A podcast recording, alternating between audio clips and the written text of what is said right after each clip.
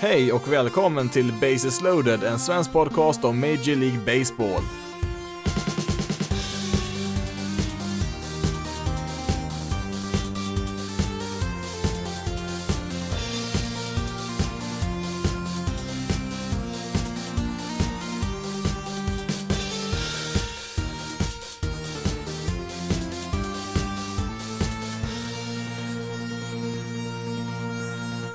Hej och välkommen till Bases loaded, en svensk podcast om Major League Baseball. I veckans avsnitt så blir det lite mer detaljer om MLBs plan för att starta säsongen och på slutet så tänker jag också ge lite tips på ett eh, par böcker och andra poddar som kan vara intressanta att eh, följa när det gäller just MLB.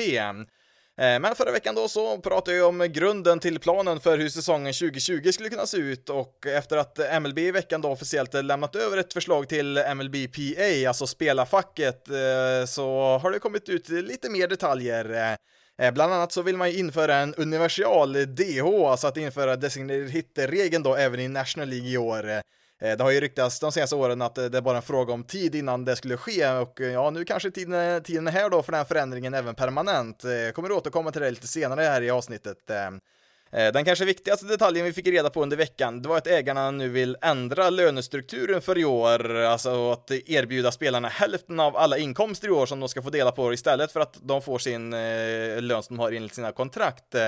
Eh, vanligtvis så finns det tekniskt sett ingen gräns för hur mycket pengar lagen kan spendera på spelarna, men så finns det det lyxskattetaket då som begränsar lönerna en del då för att eh, eh ja, alltså det finns ju ingenting som säger att man får gå, gå hur högt över den där gränsen man vill, men det finns ju vissa straff då som är kopplade till det när man går över det, så att eh, eh, det blir väl ett sorts lönetak där på, ja, på ett sätt i alla fall, ett mjukt lönetak skulle vi kunna säga, men i vanliga fall då så, um, ja, om en ägare vill spendera 500 miljoner dollar eller ja, till och med en miljard dollar varje år på löner så ja, om ägaren vill det och kan täcka de kostnaderna så är det ju fritt fram för det. Eh, nu vill man då istället då helt enkelt begränsa spelarnas löner med ett, eh, med ett övre tak då i år skulle man kunna säga då, som motsvarar då hälften av alla inkomster denna säsong och eh, ja, inkomsterna kommer ju såklart vara mycket lägre i år hur den säsongen ser ut. Det är det ingen tvekan om. Eh, det är ju på detta sätt som eh, spelarnas löner bestäms i andra ligor som NHL, NFL och NBA där borta i Amerika, vilket innebär att eh, de då har ett lönetak. Lagen får alltså inte spendera över en viss gräns på spelarnas löner. lönetak då i MLB finns ju inte på kartan för spelarna, har det ju varit historiskt sett i alla fall, och Tony Clark då som leder spelarfacket, han sa ju att den här aspekten då gör att det här, ja, det här förslaget då är en non-starter, alltså att det finns ingen som helst möjlighet att komma överens om ett lönetak är en del av förslaget. Eh, sen om det verkligen stämmer eller inte, det får vi väl se här, men ehm, ja, det ska nog mycket till för att spelarna ska faktiskt gå med på att eh, ens ha ett tillfälligt lönetak. Eh, eh, ägarna har ju många årtionden velat införa ett lönetak i MLB, men spelarfacket har ju så här långt eh, klarat sig undan det, ja, till skillnad då från de andra stora lagsporterna där borta i Amerika och eh, Ja, senast som MLB drabbades av ett längre spelavbrott då, det var ju i samband med just strejken 94 och det berodde ju på att ägarna då krävde att det skulle införas ett lönetak. Eh, de menar ju då att de här mindre lagen då framförallt som inte hade lika bra ekonomi som storlagen då riskerade kanske att gå i konkurs eller ja, de skulle inte kunna hänga med i utvecklingen då med de här skenande lönerna som de tyckte att det var för den här tiden och ja, det blev inget löntag den gången och ja, spelet kom igång sen säsongen 95 och ja, sen dess har det väl inte ja, direkt varit aktuellt med lönetak. Alltså det har säkert diskuterats, det har det väl säkert mellan ägare och spelare, det, det, det, tror jag säkert, men eh, det har väl nog inte varit så nära som det var där 94 när det var strejken där, så att eh, Ja, och den där strejken den var ju ganska tuff där mot MLB som tappar väldigt mycket fans i samband med det, så man har väl kanske varit lite försiktig med att eh, gå fram med det förslaget igen då för att undvika en sån situation igen. En hel del av de här detaljerna har vi ju känt till ett tag nu och framförallt har vi känt till dem innan förslaget ens nådde spelarna officiellt och det är ju lite fult gjort från ägarnas sida för att eh, Ja, alltså det är ju då folk som är på ägarnas sida som har läckt ut de här detaljerna då och ja, det har ju varit, eh, ja, det har väl läckt mer än en båt gjord av schweizerost här, vilket har satt spelarna i ett underläge här från början i de här diskussionerna. Eh, I alla fall då när det gäller synen då bland allmänheten för att eh, Eh, här kommer ju då MLB med en eh, konkret plan på hur man äntligen kan eh, komma tillbaka i spel här som kanske första lagsporten där i USA, vilket får fansen att jubla såklart där och sen då när de får höra att det här förslaget inte är acceptabelt från spelarnas sida när de väl har fått det officiellt här då så blir det ju spelarna som får bli den onda sidan här som förhindrar basebollen från att komma tillbaka. Eh, om det är medvetet eller inte från MLBs sida går väl att diskutera, men eh, det finns nog eh, lite uträknat här. Det tror jag nog att det är från deras sida, så att det är lite fult gjort så, såklart att se till att spelarna kanske får en större delen av skulden här för att de inte kommer överens här och det är väl inte en bra början för en förhandling då mellan två parter kan vi väl säga. Eh, nu är det såklart så här att MLB-spelare i regel är ganska rika, eller ja, de har väl för det mesta ganska gott ställt ekonomiskt har de väl. Och eh, om, ja, det är väl om de inte precis kommit upp från mining League-systemet då, då har de väl inte så jättemycket pengar på banken. Så att eh, det är väl kanske på ett sätt lite magstarkt för spelare att argumentera för hur många miljoner dollar de ska förtjäna i år då, när miljontals människor är borta, och ja, på många andra ställen i världen också såklart då, Eh, nu blir av med sina jobb eh, på grund av den här pandemin som eh, nu pågår och ja. samtidigt så tycker jag väl ändå att alla individer oavsett yrke och lön bör ha rätt att kämpa för sin egen situation till det bättre. Så är det ju så att jag tycker inte att man ska backa bara för att man har ett välbetalt jobb. Det tycker jag absolut inte. Det gäller ju inte bara baseballspelare, men man får väl tänka sig lite för från spelarnas sida lite grann hur man uttrycker sig. Jag har sett några som varit ute här i media och ja, Alltså, de kanske har uttryckt sig lite dumt ibland så, alltså, även om man står bakom eh, deras argument eh, på ett sätt så finns det väl ett eh, ja, rätt och fel sätt att uttrycka sig på för att eh, man ska se lite mer sympatisk ut inför allmänheten, det kan man väl säga. Som jag nämnde förut så var ju ett av argumenten eh, för ett lönetak på 90-talet att ägarna, ja de påstod ju då att de här mindre lagen riskerade att gå i konkurs om de skulle konkurrera rent ekonomiskt med storlagen. Eh, men eh, ja, det blev ju inget lönetak då som sagt och de överlevde ju det utan större problem och ja, det är ju inte, det är inget lag som sagt som har fått lägga ner sedan dess, utan alla lag är ju kvar i ligan sedan 94. Ja, ett lag har ju flyttat då från Montreal till till Washington då och ja, sen har vi lagt till ett par lag också, men det har ju inte försvunnit något lag då direkt så. Eh, sen var det kring millennieskiftet där så hävde ju dåvarande kommissionär Bud Selig att eh, flera lag förlorade pengar varje år och eh, att de kanske skulle vara tvungna då att just minska antalet lag i ligan. Eh, tror nu, om det, jag inte minns helt fel, att Minnesota Twins, eh, deras ägare ville faktiskt lägga ner laget där eh, och eh, det skulle ha varit ganska nära att det faktiskt blev så, men eh, nu blev det inte av, av utav någon anledning där, men eh, ja, alltså kollar vi på den konstant växande ekonomin i ligan så Eh, ja, är väl det argumentet lite svårt att köpa. Visst, vissa år är väl säkert bättre än andra, men eh, värdet på lagen har ju aldrig varit högre. Alltså Royals såldes ju förra året för en miljard dollar och är väl ett av de eh, lägst värderade lagen och Ja, alltså han som ägde Royals tidigare då, han köpte ju laget för en 20 år sedan för 100 miljoner dollar, så att han ju fått se sitt lag öka i värde 10 gånger då på 20 år, vilket är en ganska stor summa pengar, så att eh, Eh, när ägarna pratar om sin egen ekonomi så är jag väl lite skeptisk till vad de faktiskt säger, ja, främst då genom eh, kommissionär Manfred som brukar vara ute i intervjuerna. Han är ju då liksom den som jobbar för ägarna. Det är ju de som har utsett eh, honom till kommissionär då, som ska liksom representera dem och ja, alltså när Manfred kommer ut och säger de här sakerna så ja, då får man ta det med, för, med en nypa salt för att eh, kollar man bakåt i tiden på all skit som ägarna har hittat på genom året är så eh, Alltså visst, nu har väl inte alla nuvarande ägare varit med och fifflat med alla de här sakerna som har hänt genom åren, men det räcker med en översiktlig inblick i deras verksamhet genom åren för att eh, göra en väldigt skeptisk till deras motiv och uttalanden då när det gäller just ekonomiska frågor för att de eh, har ju, alltså de är ju dömda i domstol i vissa fall för att de har, eh, eh ja, brutit mot eh, diverse olika regler och lagar för den delen också. Så att eh, när de kommer ut med sådana här uttalanden om sin ekonomi som sagt då, när de säger att oj, nu, har, nu ligger vi illa till här, då Eh, ja, för att de ska övertyga mig så får de att komma ut och bevisa det först innan jag ska tro på dem, för att det, de har inte direkt förtjänat något förtroende i sådana här frågor. Eh, Rob Manfred sa ju då under veckan att MLB riskerar att förlora 4 miljarder dollar i år om det inte spelas några matcher alls och eh, gav väl också någon sån här astronomisk summa på hur mycket pengar de förlorar för varje match som spelas utan publik på läktaren då och Ja, alltså såklart kommer ju intäkterna vara mindre i år, det är det väl ingen som förnekar, men eh, med all den här historien som finns i bakhuvudet om alla ägare och deras eh, påhittigheter eh, ja, kombinerat med det faktum om att Cubs ägare här påstår att 70% av alla deras inkomster kommer från intäkter i arenan, alltså biljetter, korgförsäljning och sådär, så vet jag inte riktigt hur mycket man kan lita på de här siffrorna för att Alltså 70 det är en vansinnigt stor summa med tanke på hur mycket tv-pengar de får. Alltså Eh, biljettpengar är ju såklart en stor del av MLB-lagets inkomster med så mycket matcher som spelas, eh, men tv-pengarna är ju även de enorma och eh, de där tv-pengarna kommer ju rulla in oavsett om det är noll personer eller 40 000 personer i arenorna, utan de pengarna kommer ju rulla in så fort matcherna spelas och det är ju ganska stora summor det rör sig om när det gäller just tv-pengar och Eh, alltså visst, eh, Ricketts-familjen är som äger Cubs och alla andra ägare för den delen också. Kan de komma ut och eh, öppna upp sina, ja, sina, eh, sin ekonomi där och exakt visa hur mycket pengar de faktiskt kommer att förlora, ja, då kan jag väl tro på dem, men Eh, eh så länge de bara kommer ut och slänger ut de här siffrorna utan att backa upp det med något bevis så nej, då eh, får jag väl fortsätta vara skeptisk till det.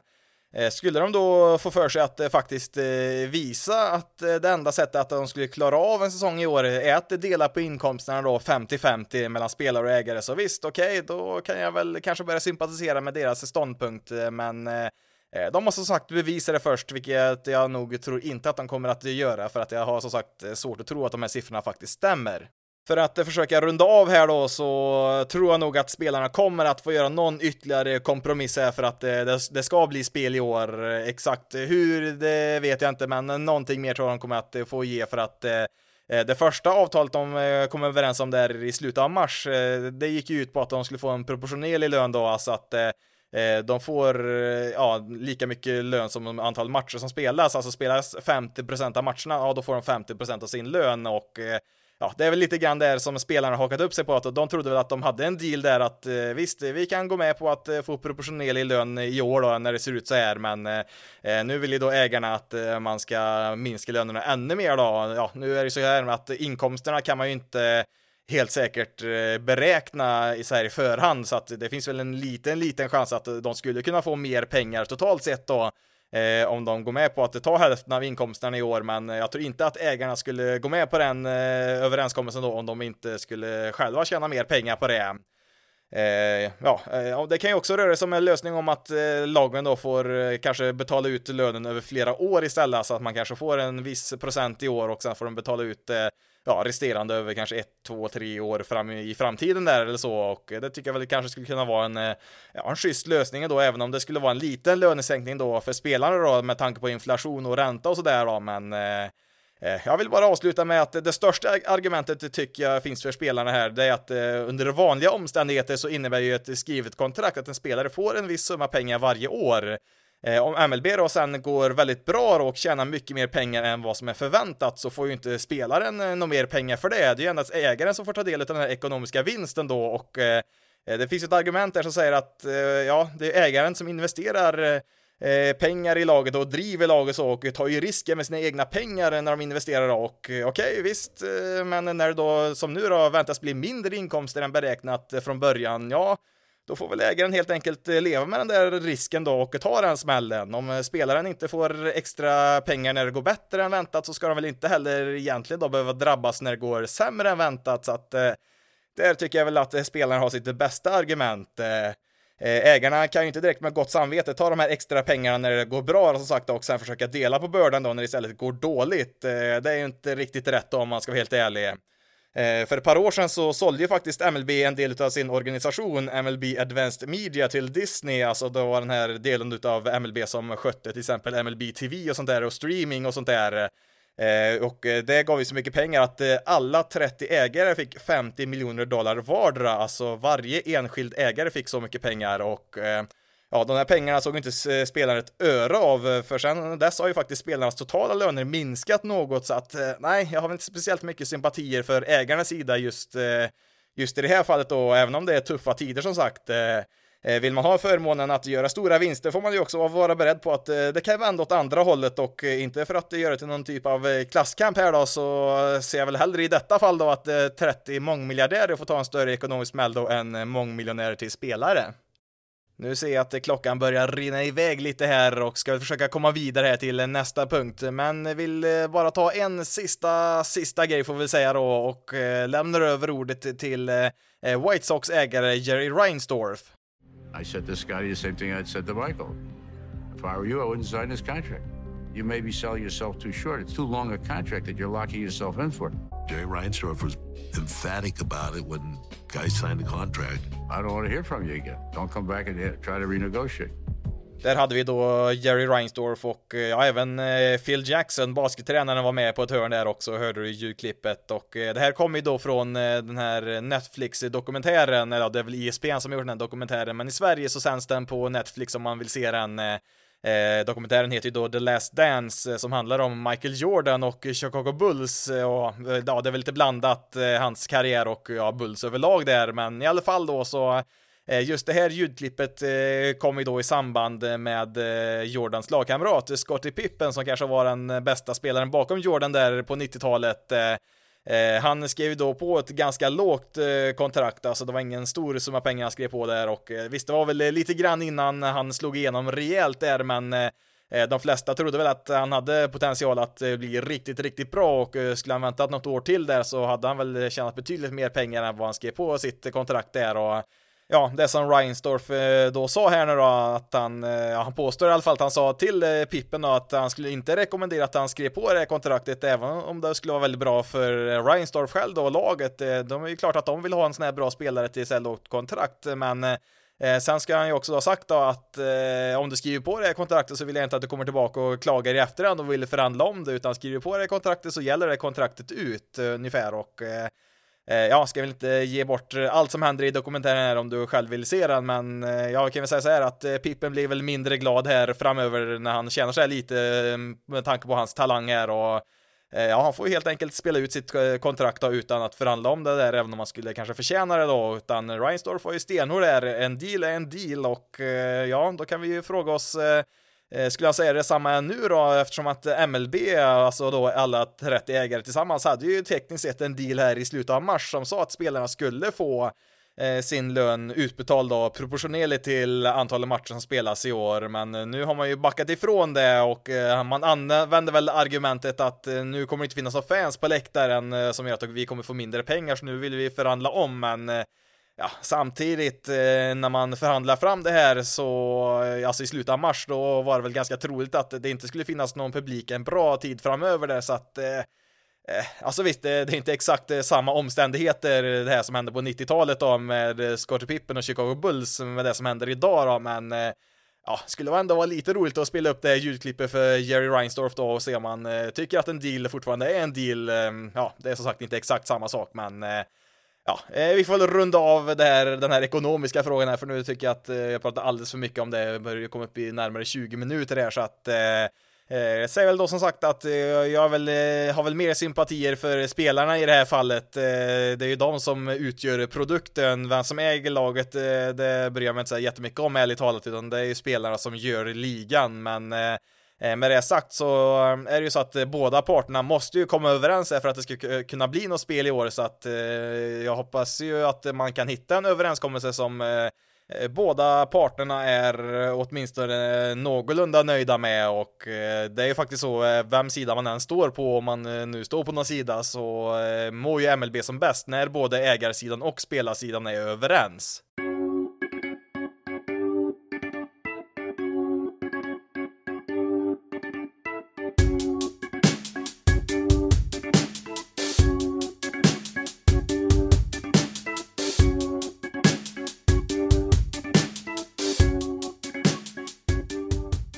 Kör vidare med eh, designated hitter-regelns vara eller icke vara. För att som jag nämnde i början av eh, avsnittet så eh, var ju en del av det här förslaget för en säsong i år att man skulle ha en DH även i National League den här säsongen och Pitchers då kommer ju att ha långt ifrån en optimal uppstart på årets säsong så att det finns väl en viss logik i att försöka spara på sina pitchers så mycket som möjligt för att Eh, det blir väl som det ser ut då enligt den här planen då kanske tre veckors eh, uppstart då, alltså spring training igen här då och eh, det kommer innebära att pitchers, ja, starting pitchers då framförallt, det kommer ju inte riktigt vara vid full styrka när säsongen börjar så att man vill väl kanske spara lite på dem där och ja, helt enkelt låta någon annan slå för dem då som man gör i American League och dessutom så kommer det bli eh, enligt den här planen då väldigt mycket matcher mellan just eh, American League och National League-lag då, så att det blir väl enklare och där också då med samma regler när det rör sig om eh, ganska mycket mer matcher än vad det vanligtvis är mellan lagen i de här två ligorna.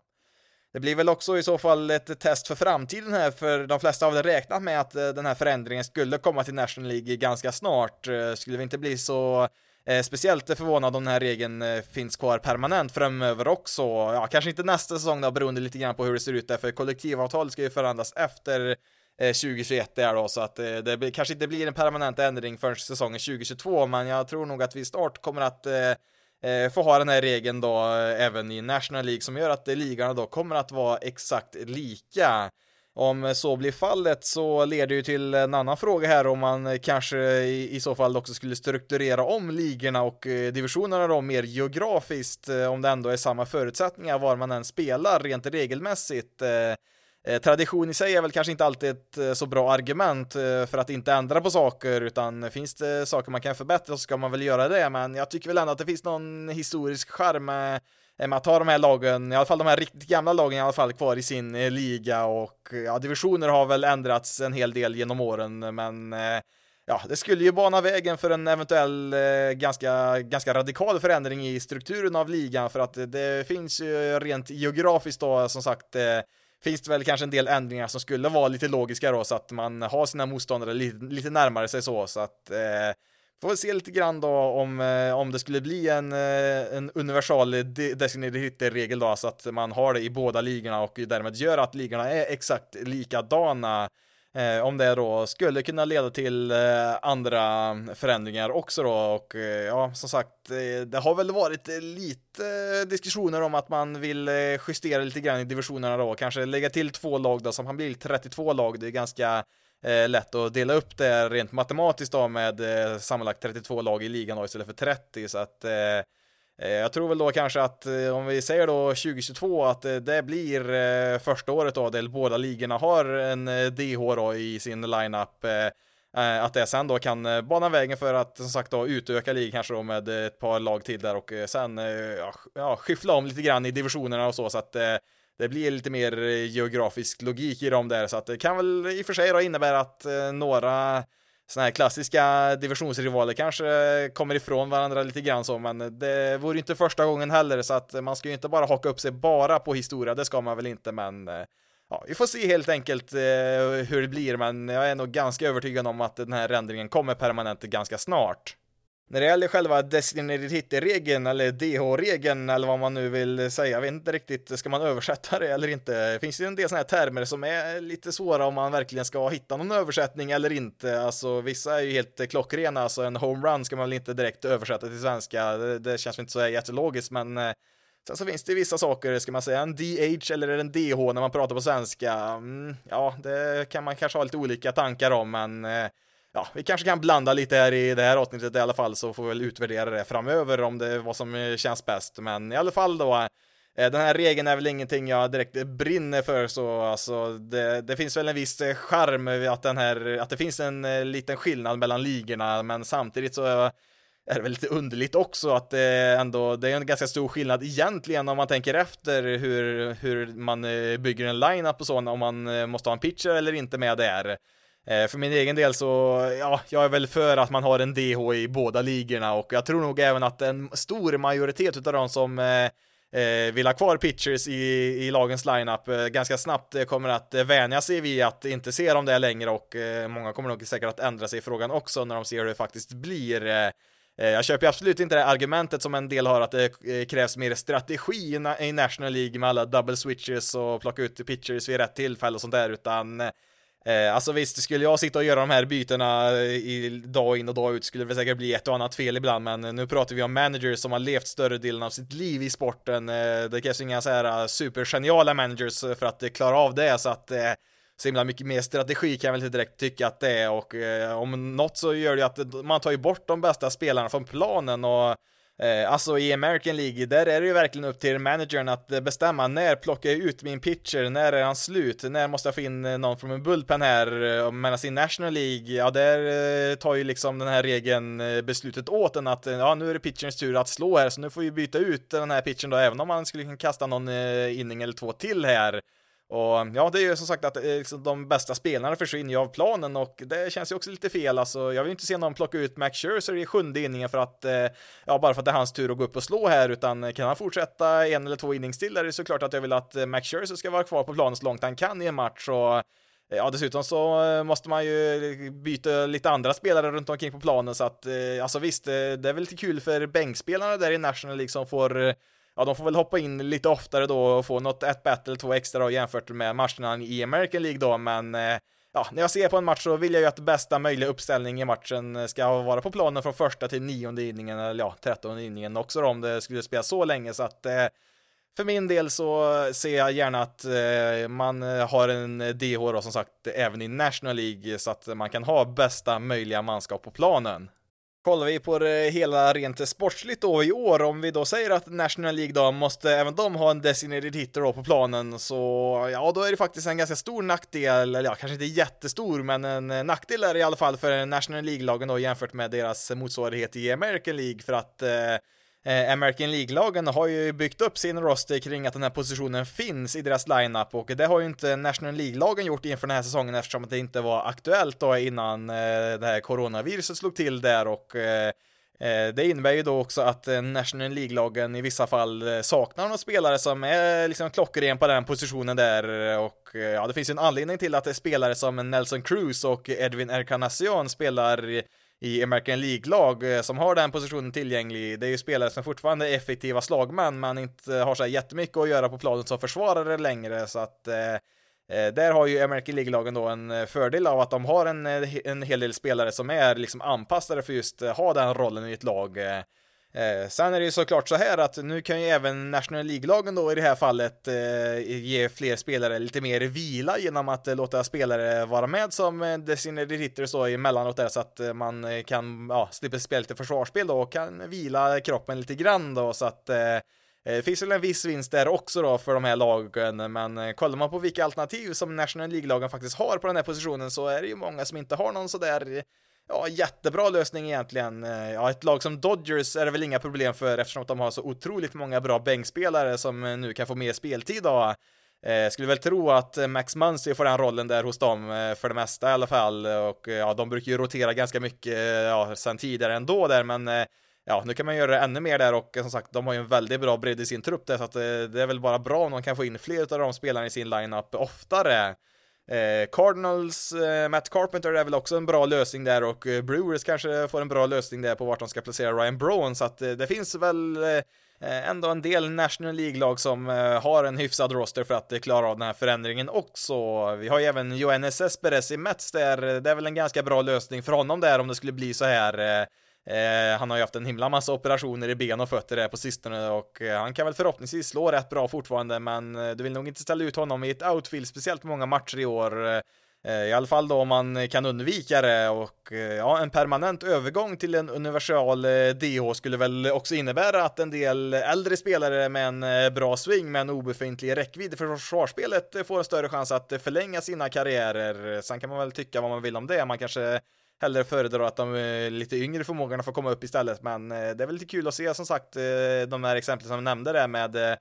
Cruz och Encarnacion att de fortfarande kan vara kvar i ligan trots att de är uppemot en 40 år där. Man som sagt, en del kanske föredrar lite yngre förmågor som sagt, men det är väl lite kul också att man får se de här, framförallt de lite mer etablerade spelarna, hänga kvar ett tag till om de klarar av det. Så är det väl också, så att det är väl en liten balansgång där också, men ja, jag tycker nog ändå det är lite kul att man kan få se de här profilerna hänga kvar något år eller två extra och ja, sen tidigare så har ju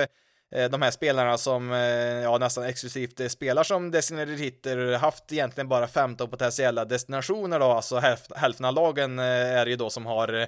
tillgång till det i sin lineup så att National League-lagen har inte direkt varit aktuella för dem tidigare då, men Eh, skulle man då införa det här även då i National League, ja då finns det ju 15 lag till där som skulle behöva en sån här spelare som gör att eh, lite fler eh, äldre herrar skulle nog få någon säsong eller två Eh, till där i sin karriär innan de får avsluta och eh, jag tycker framförallt eh, det mest positiva det är väl att man kan rotera på lite olika spelare här. Man behöver inte ha en bestämd spelare som ska vara där hela tiden utan man kan helt enkelt bygga in lite vila mitt under en säsong där som gör att spelare bör kunna undvika en del skador. Alltså visst, skador kommer jag aldrig komma ifrån, men Eh, det kan väl vara så att det kanske någon spelare som är lite sliten i kroppen som behöver lite extra vila där och eh, ja, får de spela någon vecka på den här positionen då utan att behöva vara försvarsspelare så kanske de kan undvika någon allvarligare skador längre fram. Så att jag tycker att det finns en del att vinna på det här också. Om man kan tillåta spelare kanske att vara på planen oftare, alltså att ja, helt enkelt eh, ge dem eh, lite vila fast de ändå finns med i lagets lineup. Och eh, ja, som jag sa i förra avsnittet så bryr jag mig inte så jättemycket om exakt hur det ser ut med regler och ja, antal matcher och spelschema och sådär i år, utan jag vill bara att det ska bli spel. Men jag kan väl säga så här att Eh, skulle designated hit-regeln finnas kvar för både National League och American League efter den här säsongen så skulle jag inte tycka att det gör någonting heller. Vi går vidare med lite hälsolösningar har jag skrivit här i dokumentet ser jag och ja, det kan man väl kalla det för, eller medicinska protokoll kanske, för att eh, när MLB lämnar över den här planen då till eh, spelarfacket eh, hur en säsong skulle se ut så finns det ju lite mer saker än bara ja, regler och finansiella problem som måste lösas, utan det är en del andra försiktighetsåtgärder ja, runt omkring hela organisationen som måste lösas här för att ja, skulle massa spelare börja infekteras här nu med viruset så Eh, ja, eh, blir det allt för många så måste man ju stänga ner säsongen igen här och eh, det vill man ju undvika så gott det går såklart och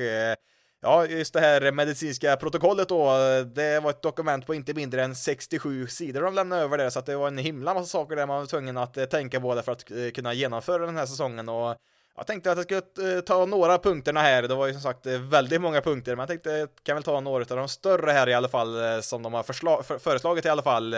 Eh, det här måste ju då accepteras och kanske omarbetas några gånger innan det blir officiellt, men eh, några av punkterna är ju då att eh, eh, alla spelare då ska ta sin egen temperatur så fort de vaknar. Eh, temperaturen då över en viss gräns så får de inte ens åka till lagets anläggning utan de måste ju ja, vänta hemma då och ja, ja, invänta läkare för vidare tester och så. Eh, innan man ens då får komma in i lagens anläggningar så måste man ta temperaturen igen där då och det är samma sak där, är den för hög, ja då får man ju skickas vidare till ett annat ställe där då, där de får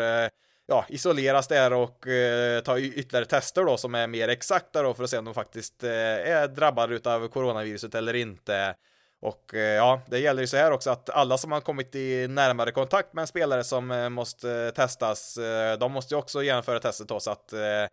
eh man vill verkligen inte ta några risker alls där utan eh, har man ens varit nära någon som misstänks kanske kunna vara drabbad så ja, då ska alla de testa sig så att man stoppar spridningen så snabbt som möjligt om det skulle vara en fråga om det.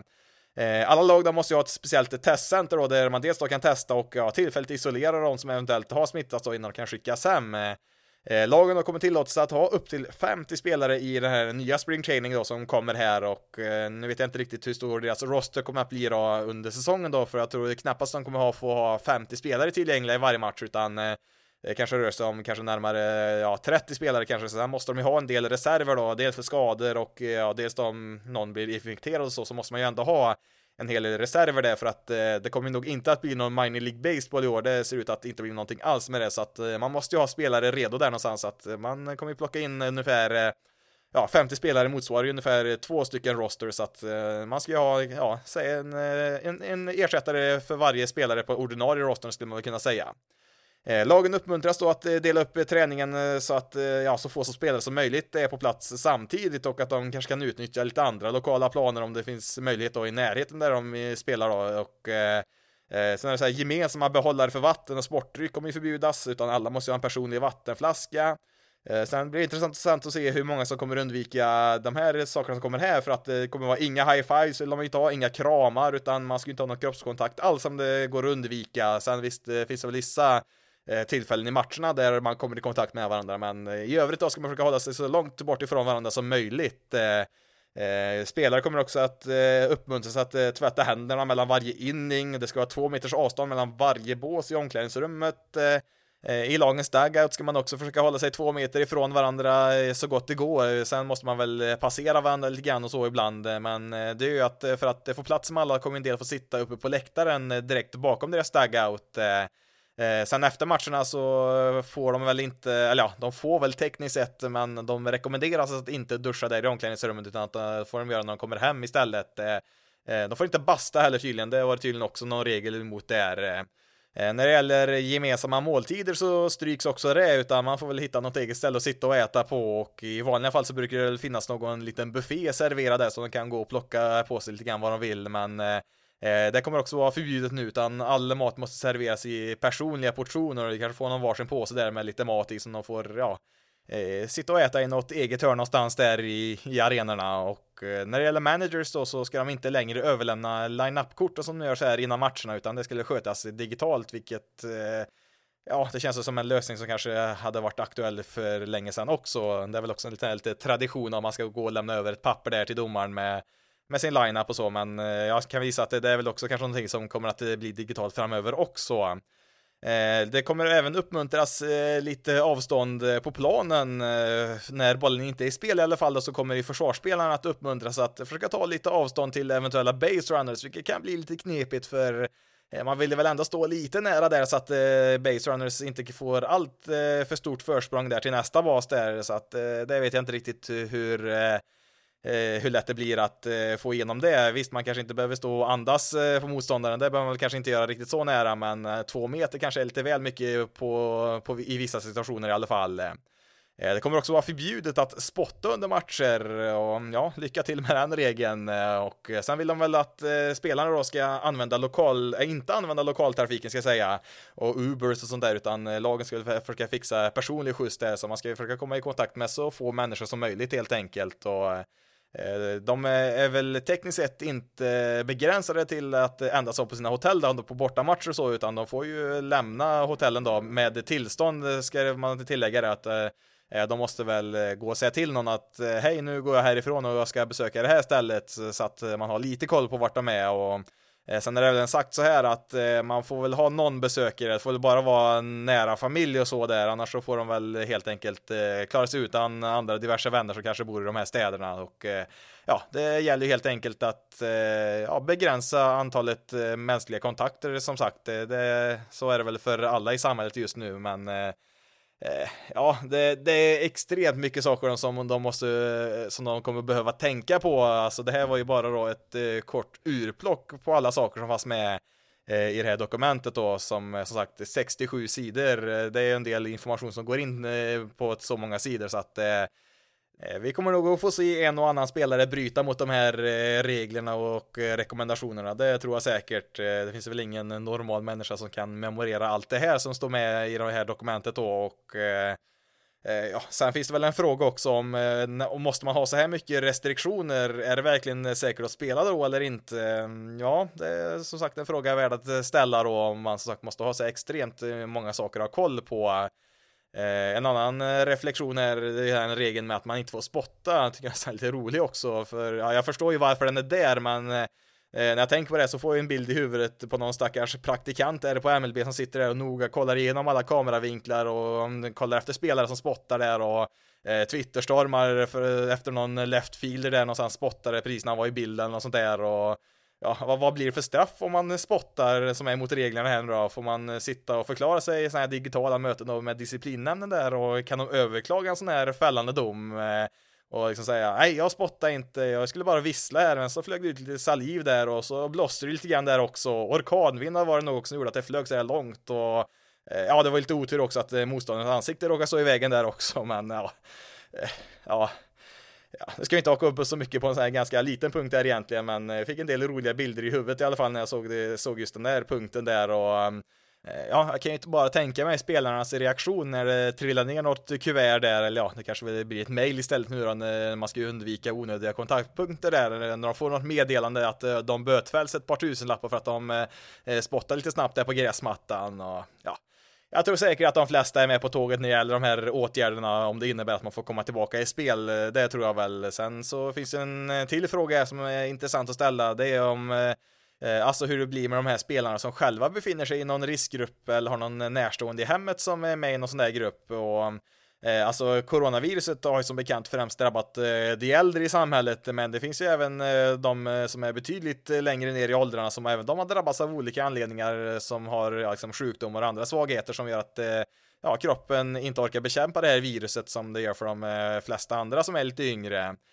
I intervjuer så tyder det väl det mesta på att spelare som känner att de inte vill spela i år under rådande förutsättningar nog kanske får tillåtelse att stå över Eh, har inte kommit ut något officiellt om det än, men det verkar som eh, det finns någon acceptans här från de flesta hållen att en spelare som helt enkelt eh, inte känner sig säker att spela i år kommer att helt enkelt få lov att stå över till nästa säsong då om det nu blir någonting i år då men då blir ju nästa fråga efter det då, om man nu står över den här säsongen då, hur blir det med deras lön och deras service då kanske framförallt? Har väl kanske en större förståelse för lönen där om det inte blir någon sån, men det känns ju lite taskigt där om de blir av med, med sin service time då, som, alltså den här tiden då som man samlar ihop innan man blir free agent och eh, Visst, jag ser argumentet för att spelar man inte så ska man väl inte ha något av det där, kan väl eh, se ett visst argument för också, men samtidigt eh, man kan ju inte tvinga någon in och liksom eh, spela här, alltså det här gäller väl egentligen alla yrken så att eh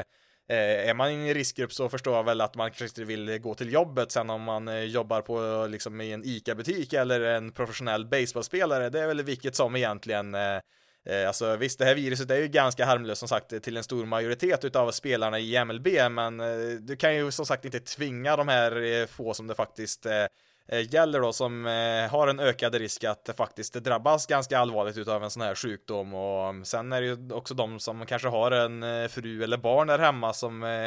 själva tillhör någon riskgrupp. Så att det, det finns en del problem att lösa på den här aspekten också såklart. Och det Eh, man kommer ju aldrig att kunna spela en säsong i år helt riskfritt, så är det ju absolut. Eh, sen får vi väl se då, vart, vart drar man gränsen? När eh, tycker man att ja, nu är det säkert nog i alla fall för att riskera sin egen hälsa här. Det, det är väl helt enkelt upp till spelarna att säga vad, som, vad de känner sig bekväma med och jag tror nog att vi kommer nog få se några spelare i alla fall, om det blir en säsong Eh, som helt enkelt kommer att eh, stå över den här säsongen. Det tror jag nog så att eh, ja, vi får se här vad de säger här de närmaste veckorna om just ja, allt egentligen, både ekonomin, hälsofrågor och alla regler som de vill förändra också. Jag tror nog att Alltså regelförändringar och jag tror även de här hälsofrågorna tror jag nog spelarna är med på i stort sett. Det är väl kanske lite detaljer och sånt då som de kanske vill eh, Eh, justera lite, lite grann så då, men eh, det stora är ju då eh, den ekonomiska frågan, alltså det är väl där som ägare och spelare står som längst ifrån varandra. Jag tror nog att i stort sett alla andra punkter, det är, eh, det är liksom, får man bara igång en säsong så tror jag nog att man kan lösa det mesta, men det är ekonomin där som sagt då, om spelarna ska gå med på att sänka lönerna ytterligare då, förutom den här proportionerliga utbetalningen då som de redan gått med på. Eh, och eh, det ser väl ut som att man står ganska långt ifrån varandra i den frågan just nu, men eh, det som båda gott, det är väl att det har väl inte läckt ut sig jättemycket de senaste dagarna här i alla fall, så det innebär väl att man sitter ganska inlåsta i förhandlingar där och det är väl positivt då att man sitter och pratar med varandra så får vi väl se här de närmaste veckan eller två här vad man kommer fram till för att jag har, väl sett, jag har väl sett några som har sagt att man bör väl vara, ha ett avtal som är påskrivet då ja, senast eh, sista maj här då, så, så, att man har lite tid där innan man kan eh, samla ihop alla spelare och dra igång en springtraining igen. Det var väl sagt att eh, eh man siktade på 10 juni som ett datum man vill vara igång med eh, springtraining igen då och eh, eh, är man färdig då någonstans eh, sista maj där, då har man lite tid där innan dess att eh, organisera allt det så att eh, skulle det dröja liksom längre än, jag säger två veckor från idag då säger vi, Ja, då får vi kanske mm, skjuta säsongen ytterligare lite grann framåt där så att eh, man har väl lite tid kvar fortfarande har man och eh, är väl hoppfull om att man kan hitta någon lösningar men eh, det är som sagt eh, det finns en del saker att, eh, att eh, diskutera här mellan parterna när det gäller just ekonomin.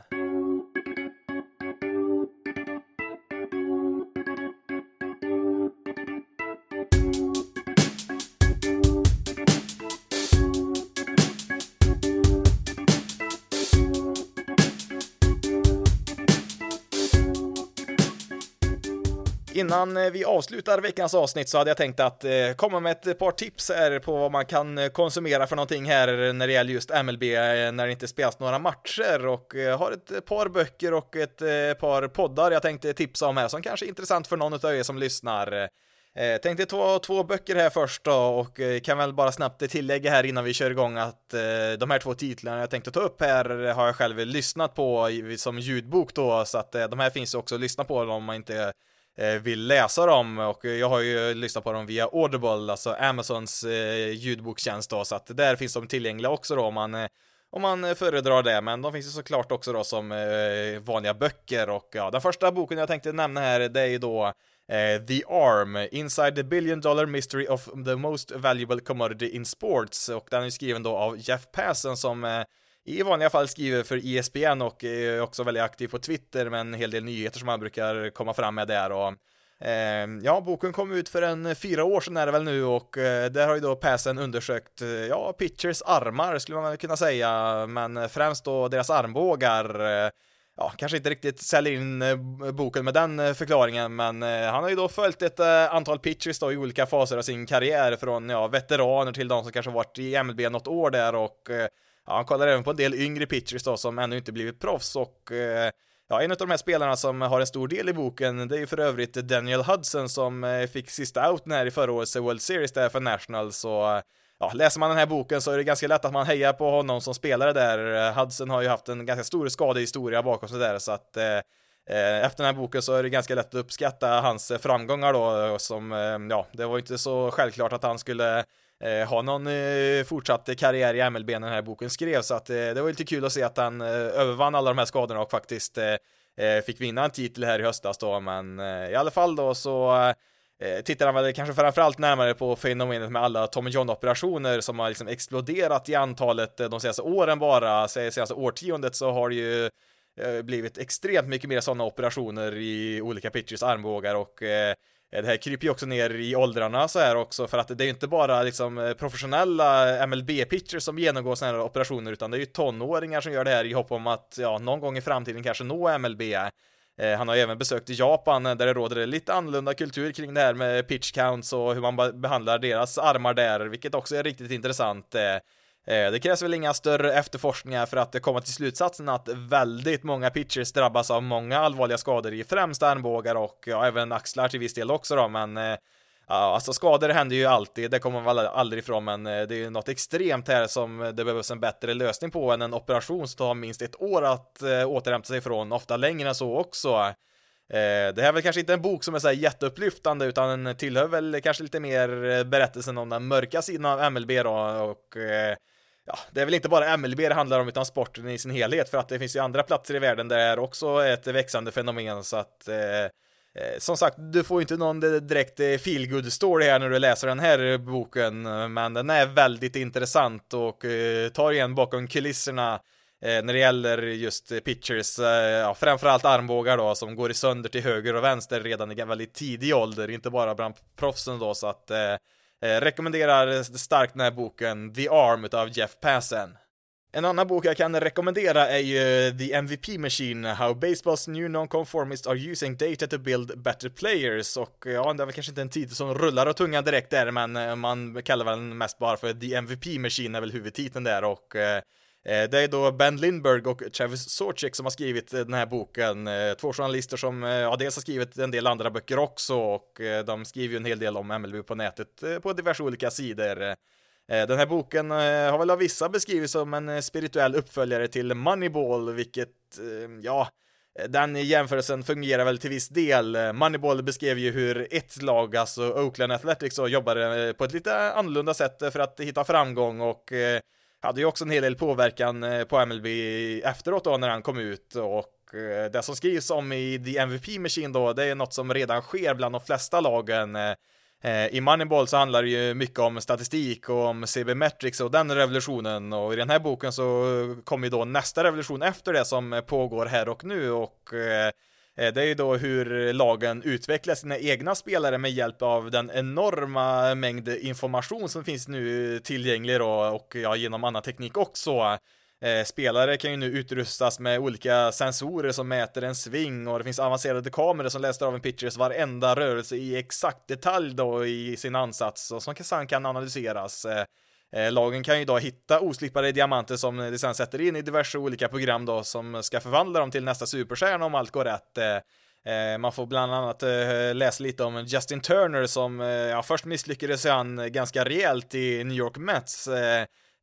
han blev ju designated for assignment där, alltså man vill inte ha kvar honom på deras 40-man roster och hamnade istället då i Dodgers och ja, han eh, gick ju igenom sån här eh, förändring av sin sving och eh, liksom köpte ju liksom alla, alla de här nya metoderna som fanns för att det var ju hans enda chans att hålla sig kvar i MLB och han hittade ju något där som verkligen fungerar för att han har ju blivit en All-star sedan dess och varit en av ligans bättre tredje basmän sedan han kom till Dodgers. Den eh, kanske största profilen i boken, eller ja, den som får mest plats i alla fall, det är ju Reds pitchern Trevor Bauer som, eh, ja, han är väl lite kontroversiell kan man väl säga i många olika sammanhang, men eh, eh, det går ju inte att neka att han ligger i absoluta framkant när det gäller den här nya tekniken och vara med och utveckla olika typer av kast och grepp om bollar och så. Man får ju höra om hans historia här och ja, dels höra hur han var med och tillsammans med företaget Driveline Eh, utveckla många av de här nya metoderna och ja, det är många pitchers, eh, ja, flera hundra nu, eh, som åker till det här företaget och Driveline i Seattle tror jag de är någonstans där runt omkring. Och det, alltså det här är då ett privat företag som inte är kopplat till något specifikt lag utan det är många pitchers som åker dit och tränar då under vintern, kanske kommer på någon ny pitch de vill kasta, förbättra sin teknik eller något sånt där. Och Eh, det är som sagt, det blev en jättestor grej. Det är liksom många stjärnor som är där också. Jag tror Clayton Kershaw var faktiskt där eh, eh, den här gångna vintern där, så det har varit lite intressant att se här nu vilket resultat det har gett, om man kanske hittar någon extra miles per hour på sin fastball där som har blivit lite långsammare på sistone. Och mm, ja, man får ju som sagt höra lite grann om bakgrunden där kring det företaget och Trevor Bauer var ju då en av de eh, första större profilerna som fanns med där och eh, ja, som pitcher då, det är ju Kyle Bode heter han som eh, driver det där företaget. Eh, eh han är ju också en väldigt framträdande person just nu då när Driveland har blivit så stort. Eh, han jobbar ju för övrigt eh, även han då i Reds nu, nu för tiden då i deras deras minor League-system där hjälper han till och utvecklar deras pitcher så att han är också en sån här person man får följa här som är varit drivande i den här utvecklingen då när det gäller just pitchteknik och ja, pitchdesign brukar man väl kalla det för så att Eh, Eh, det kanske inte är en bok eh, riktigt för alla, men eh, det är väldigt intressant om man vill ha en inblick i hur det faktiskt går till i modern spelarutveckling och det här är väl då som sagt nästa steg i att hitta en fördel gentemot andra lag då, alltså med rätt verktyg kunna kanske förvandla en medioker spelare till en allstar, eller kanske ta en allstar till att bli en superstjärna. För man kanske bara behöver en viss grund att bygga på här och har man en spelare som är duktig på att ta till sig all den här informationen som finns i, i alla de här redskapen då, så um, ja, då har de ju goda möjligheter att det kanske blir en mycket bättre spelare och eh, man får som sagt väldigt mycket intressanta detaljer här eh, i den här boken. då Så att eh, The MVP Machine är också en bok jag kan rekommendera om man vill eh, se lite mer bakom scenerna. Då ska jag snabbt eh, ta några poddar här också, två stycken jag vill rekommendera här idag som eh, kanske några av er finner intressanta. Den första är Effectively Wild som eh, kanske är nog min favoritpodcast eh, när det gäller baseball. Eh, Eh, det är väl kanske inte en podcast för alla, det är det väl nog inte, men eh, eh, det är en sån podcast som funkar bra även nu när det inte spelas någon baseball. De är väldigt duktiga på det att hitta allt möjligt att prata om och det är väl en podcast som ja, pratar om baseball genom ett ja, genom eh, CB synvinkel skulle man väl kunna säga. Och eh, de som finns med där det är ju dels Ben Lindberg då som var en av de här författarna i The MVP Machine. Eh, Sen har vi även Sam Miller som skriver för ESPN och Meg Rowley som skriver för Fangraphs. Eh, Eh, den här podden har ju hållit på sedan 2012, de är väl uppe i en över 1500 avsnitt just nu, eh, så att eh, det finns en hel del att lyssna på som är intressant även från längre bak i tiden om man tycker den här podden är väldigt bra. De släpper väl tre avsnitt i veckan just nu, gör de väl, och det gör de ju i princip året om oavsett om det är säsong eller inte, så att även om det inte spelas någonting just nu så är det fortfarande tre avsnitt per vecka de som de släpper där och som sagt, de är väldigt duktiga på att hitta på väldigt mycket att prata om som i alla fall jag tycker är intressant. Eh, kan väl säga så här att eh, om man kanske lyssnar på ett avsnitt och inte är speciellt imponerad av det så kan jag väl kanske rekommendera då att man eh, lyssnar på något avsnitt eller två till där för att det kan vara väldigt olika teman från avsnitt till avsnitt där. Så att passar inte temat i något avsnitt där så lyssna på något mer där kan jag rekommendera i alla fall för att det här är en podcast som ja, tycker man om innehållet där så har man mycket underhållning eh, året om kan man ju säga här. Så att eh, det är en eh, podcast som jag starkt rekommenderar. Även om man vet att det kanske inte riktigt är för alla och det är väl inte någon nybörjarpodcast heller utan det är väl bra om man har lite koll på läget i MLB innan man börjar lyssna på den här podden. Till sist då så tänkte jag att eh, kanske framöver här då, lite då och då i alla fall, eh, tips om eh, lite mer specifika lagpoddar, alltså podcast som riktar in sig på ett specifikt MLB-lag och visst, nu kommer inte alla de här kanske vara relevanta för alla er som lyssnar. Man kanske inte vill lyssna på så många andra poddar om andra lag som man inte själv håller på, men eh, den första här då, Red Leg Nation Radio, tror jag har lite grann just nu i alla fall som kan vara intressant eh, även för de som inte är fans av Cincinnati Red som den här podden handlar om. Eh, eh, jag tror de också har varit igång väldigt länge, så här 15 år nästan tror jag de har hållit på och eh, poddat där om, om Red, så att eh, de har ju varit med ett tag och mm, Eh, det som kan vara intressant även för de som inte är specifikt eh, Reds-fans är att de just nu faktiskt eh, passande nog kör en en serie som kallas för Building the Machine som handlar om Cincinnati Reds på 70-talet, alltså under den perioden som de kallades för The Big Red Machine, ett av de bästa lagen genom tiderna där som de hade på 70-talet då. Det var ju många tunga profiler där med Pete Rose, Johnny Bench, Joe Morgan och en hel del andra där som Ja, det är en Hall of Famers hela högen där, eller ja, Pete Rose eh, är väl tekniskt sett förbjuden att väljas in där. Han hamnar ju lite problem senare i karriären där, men han är ju en eh, Ja, det är Hall of Fame-kvalitet på hans karriär, det är det absolut. Sen hade han väl lite problem med eh, lite spela på egna matcher och sånt där, så att, men ja, nog om det. Det är en intressant serie tycker jag ändå som